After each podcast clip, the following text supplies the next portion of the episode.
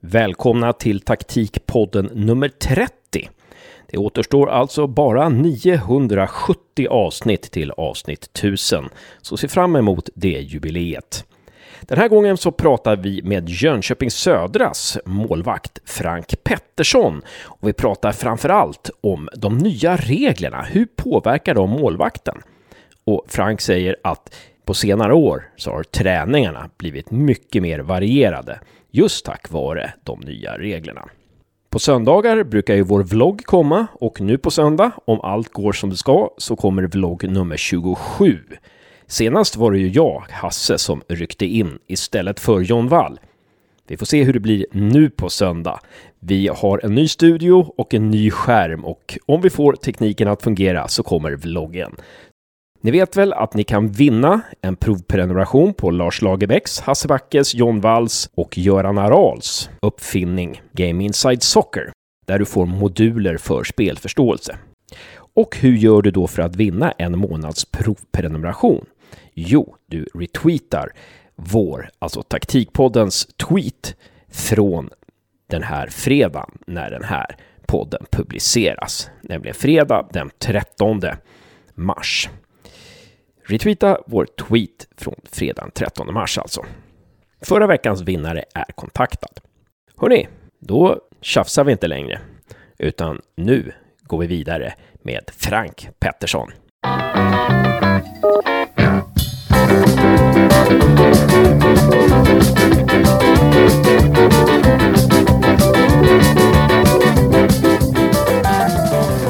Välkommen till Taktikpodden, Frank Pettersson. Stort tack för det. Himla roligt att du är med och jag tror att det är första målvakten vi har med i Taktikpodden. Hur är det Josef, stämmer det? Det... ja, det stämmer. Jag vågar ändå säga. Det stämmer. Första som är, första som är helt inriktad på målvakter i alla fall. Ja, ja men vi hoppas vi sätter någon trend där då. Ja, precis, precis. Frank, du, du är uppväxt i Arboga. Du har eh, spelat fotboll i, ja, var Jönköping Södra ditt första liksom, elitlag som du spelade i, eller hur, hur var det där? Nej, det var det inte. Jag flyttade upp till AIK när jag var 16 och eh, tillhörde dem i, i tre år. Så det var väl första, första elitklubben då. Sen eh, så var jag i Degerfors en sväng efter det. Då tillhörde väl inte de eliten. Det hette väl något... Det var mest division 2-serierna såg ut på, på ett helt annat sätt. Eh, och så var det division 1 norra och division 1 södra då. Eh, så det var på, på den tiden. Just det. Du har tillhört Jönköping förut och nu kommer du tillbaka till Jönköping och du har haft Andreas Brännström som tränare förut eh, i Dalkurd och nu kommer du tillbaka till Andreas Brännström. Så det är lite sådär, eh, eh när du kom till Jönköping här andra gången då för ett par år sedan så är det liksom, det, det är några så här eh, vägar som sluts, eller vad man ska säga, ringar som sluts. Så är det. Sen, sen var ju inte Andreas här när jag kom ner andra gången utan han, han kom ju in här eh, hösten eh, 2018 eh, och då var ju jag redan här då. Men eh, vägarna korsades ju som sagt. Just det, just det. Jag kan flika in med att när Frank kom tillbaka så var det faktiskt Jörgen Wålemark om jag inte har fel. Som var tränare. Stämmer. Om ni har tid efter Frank eh, Petterssons avsnitt så gå in och lyssna på Jörgen Wålemarks snack med oss här i Taktikpodden. Precis. Och vi kanske kommer tillbaka till eh, Brännström och Wålemark och sådär senare. Men om vi ska ta början någonstans så vi, får vi se var vi hamnar. Jag och Josef tänkte lite att vi skulle börja här med de nya reglerna som, som har kommit under de sist, den sista tiden.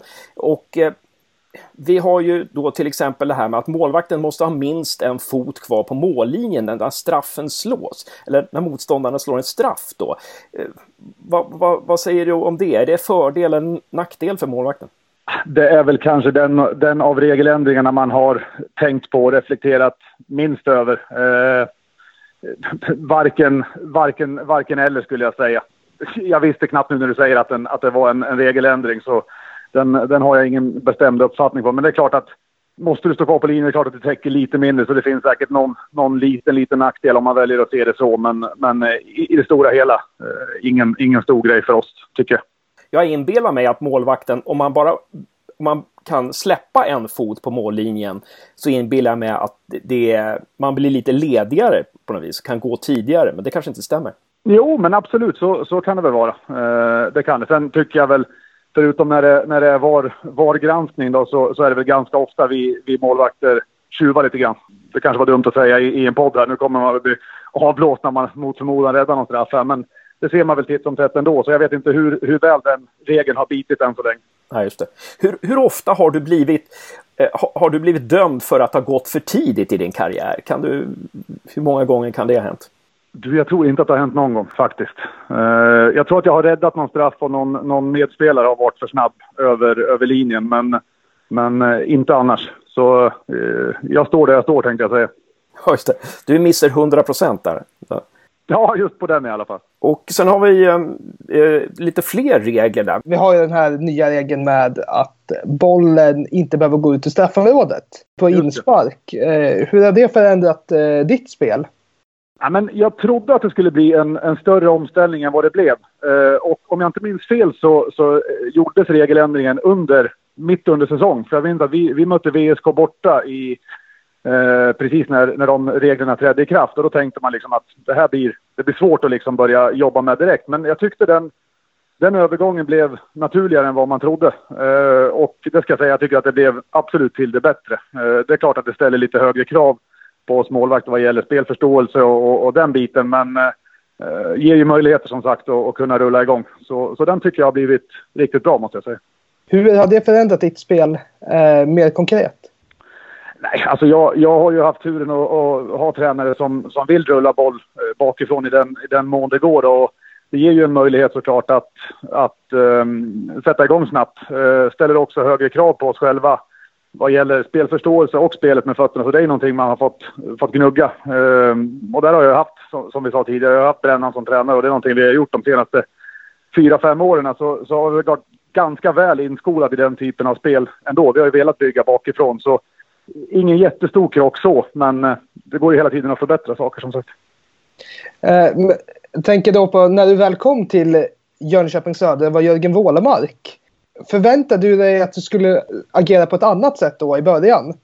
När han var tränare? Eller var det fortfarande samma roll som du hade i Dalkurd? Eller liknande roll? Ja, det var väl vi var väl inte riktigt lika mycket att vi byggde bakifrån. Eh, såklart att vi ville göra det när, när eh, möjlighet fanns, men i Dalkurd gjorde vi nästan det när möjlighet inte fanns också. Vi, vi gjorde det till våran grej och, och gjorde det dessutom väldigt bra. Uh, och någonting som vi, ja, vi hade till och med utåt, att vi vill spela med hög risk bakifrån för vi tycker att det ger oss mer än, än vad det kostar. Uh, det gjorde vi väl inte här med, med Jörgen, det ska jag väl inte påstå, men med det sagt så klart vi fick rulla vid, vid tillfälle. Liksom.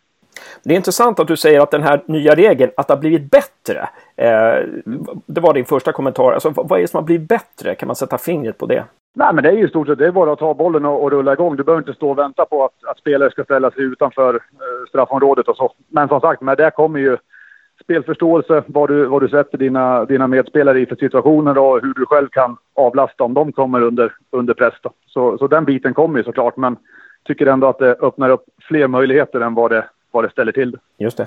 Vi har ju vår vlogg också på Youtube där John Wall, fotbollstränaren, går in och visar vissa moment. Och han, han hävdar att man ibland kan släppa då, alltså man behöver, Eh, man kan släppa en en utespelare då i uppspelen. En, en av utespelarna kan liksom gå högre upp och man, man, kan låta målvakten då vara en av utespelarna som är med i uppspelen. Liksom att istället för kanske ha, ha tre försvarare som sköter uppspelen så kan man ha två försvarare och målvakten. Eh, vad säger du om det?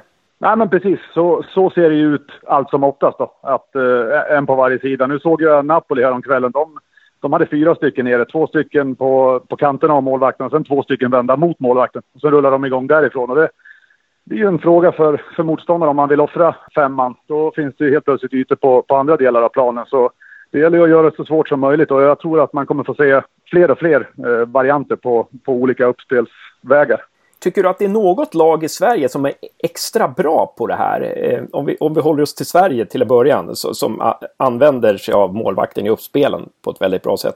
Ja, men jag, vi mötte Norrköping nyligen i, i, en träningsmatch och jag brukar titta lite grann på, på Norrköping när, när jag kan. Dels för att jag brukar följa vad, vad Mats Elvendal gör där, men så gillar jag även Isak Pettersson och han har väl kanske Sveriges bästa fötter skulle jag säga. Och de, de utnyttjar det väldigt mycket och hans, hans positionsspel i uppbyggnaden är ju så nära facit man kan komma. Så, så ja, det måste nog svara Norrköping i så fall. Internationellt då? Har du tänkt, du nämner Napoli lite, något, något lag där som Ja, men uh, City uh, blir väl svåra att, att undvika den. Sen, sen är väl Europas toppmålvakter, det är väl ganska få som är, som är svaga med fötterna. Så jag, jag vill väl påstå att de, de maxar väl det där nästan all, allihopa. Men, men uh, City sticker väl ut med, med Ederson, både vad gäller kort och långt.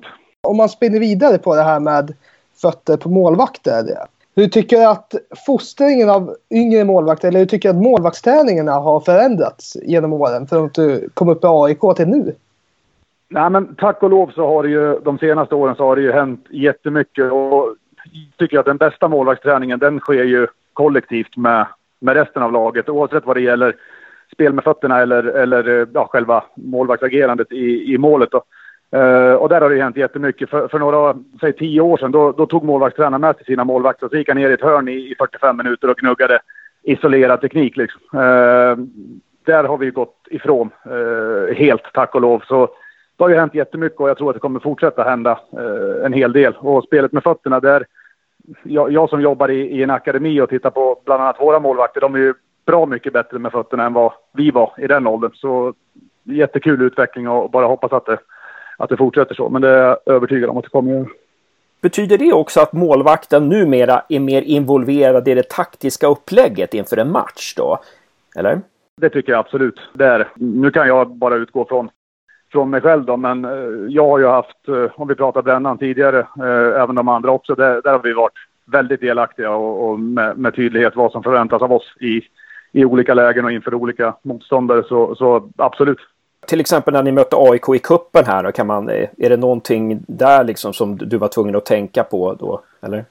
Ja, nu, nu blev ju inte den matchen riktigt som, som vi trodde. Vi spelade ju i, i orkan, men eh, vi ville ju rulla igång och eh, AIK har ju, som de säger, lite mer framåtlutade eh, i år och eh, kom ju med en enorm första press. Så det, det var ju vi beredda på om vi då sätter igång kort så, så ställer det såklart ännu högre krav på, på oss målvakter att vi är med och avlastar eh, om det är så att det behövs.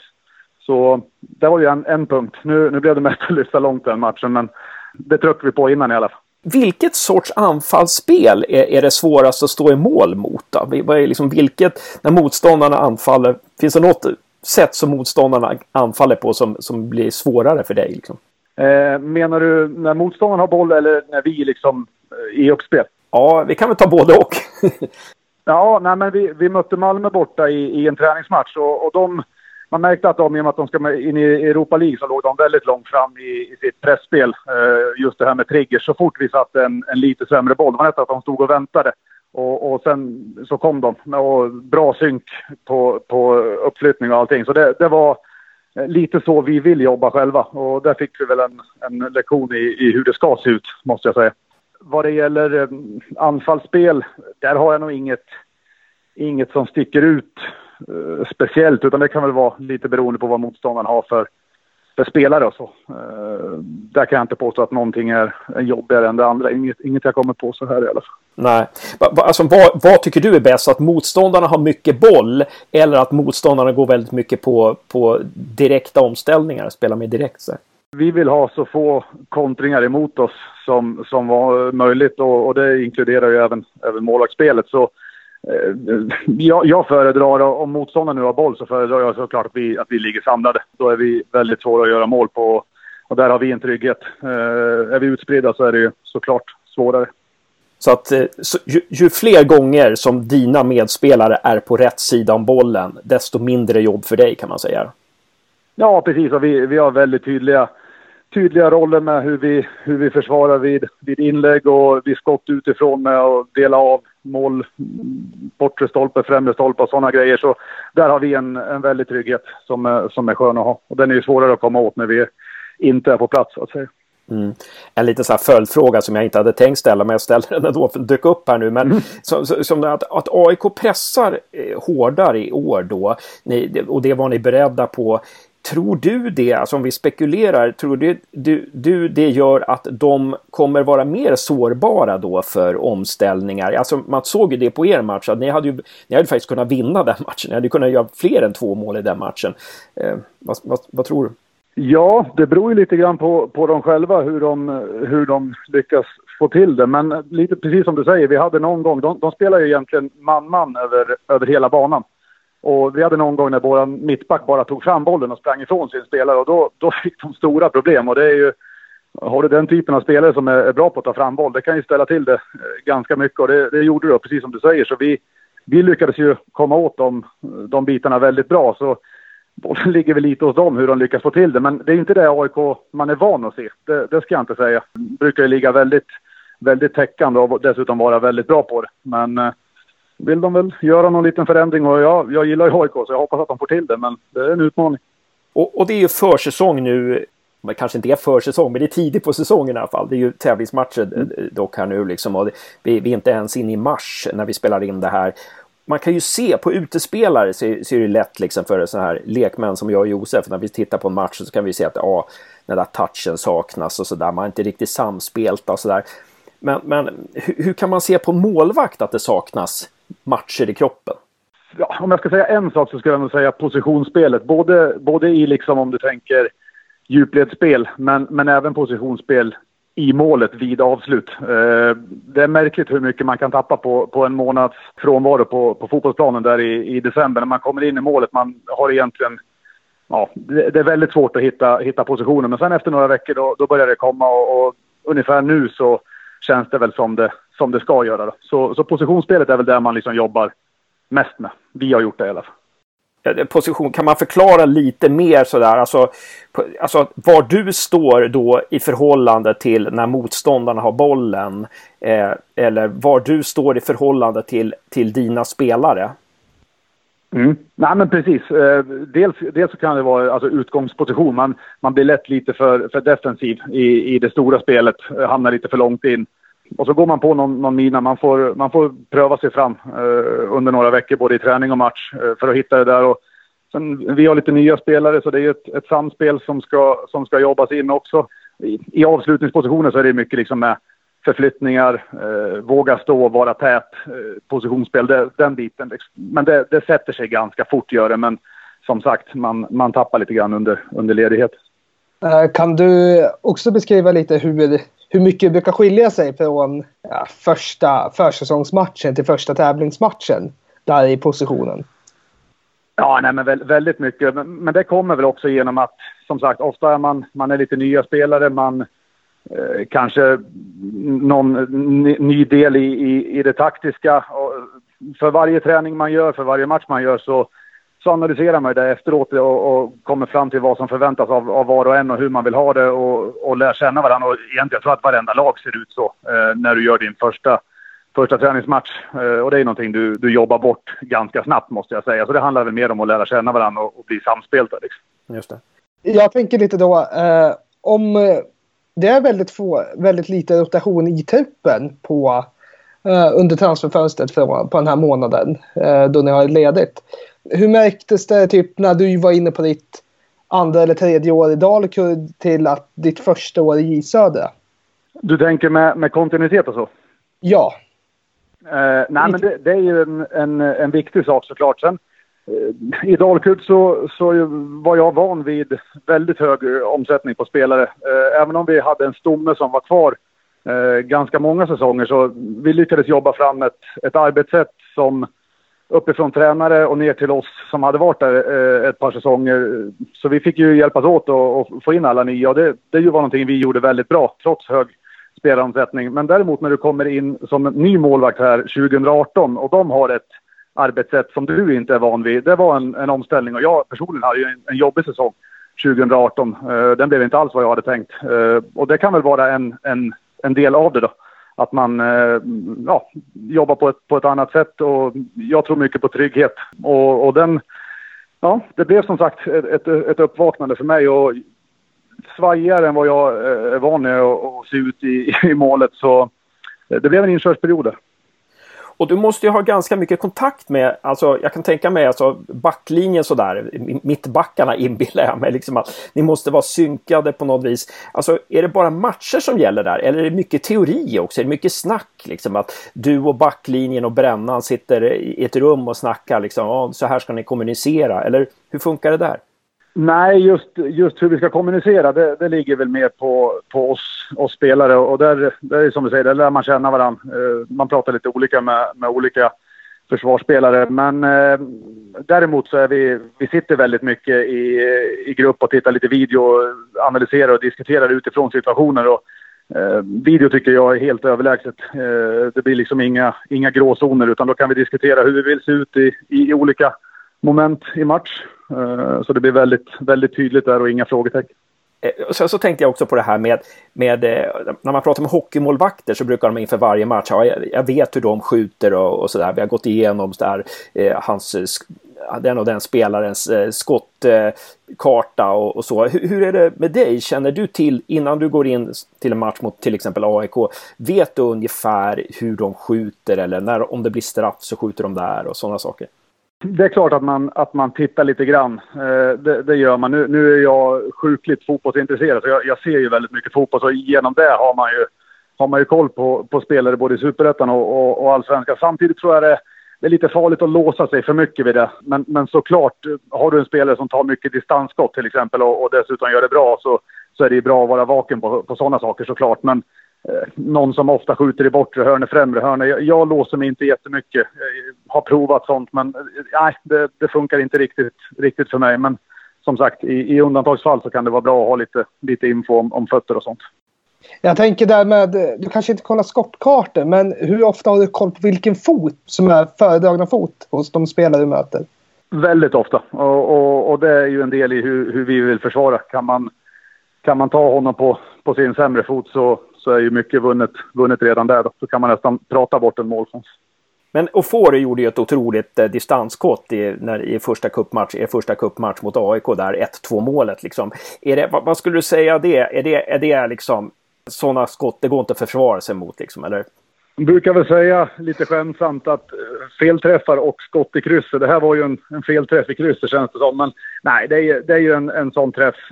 Utan att ha koll på, på Oforis skottteknik så jag tror inte att han gör jättemånga sådana under, under en säsong. Så där får man väl ödmjukt bara applådera och konstatera att det, det händer någon gång per säsong och då, då får det vara så. Och, och, vinden där liksom gjorde väl den att det var nästan omöjligt att se liksom, vart den var på väg.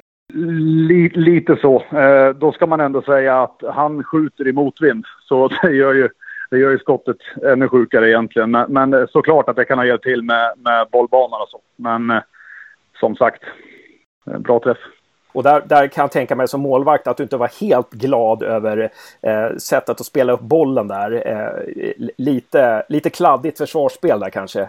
Ja, och, ja men precis. Det, det, det, sa vi även, även dagen efter och, och speciellt tråkigt. Vi, jag tycker att vi försvarsmässigt så gör vi en, en jättebra match egentligen fram till, till där och jag tycker att vi har, vi har full kontroll på dem. Och sen krävs det inte mer än så på, på den nivån. Då, då får de 1-2 och sen går de på det och 2-2. Då är det lång, tio långa minuter kvar. Så det, ja, det är jättesurt att vi, att vi inte lyckas knyta ihop det. Men eh, bara att dra, dra lärdom och se till att vi, att vi lär oss någonting av det.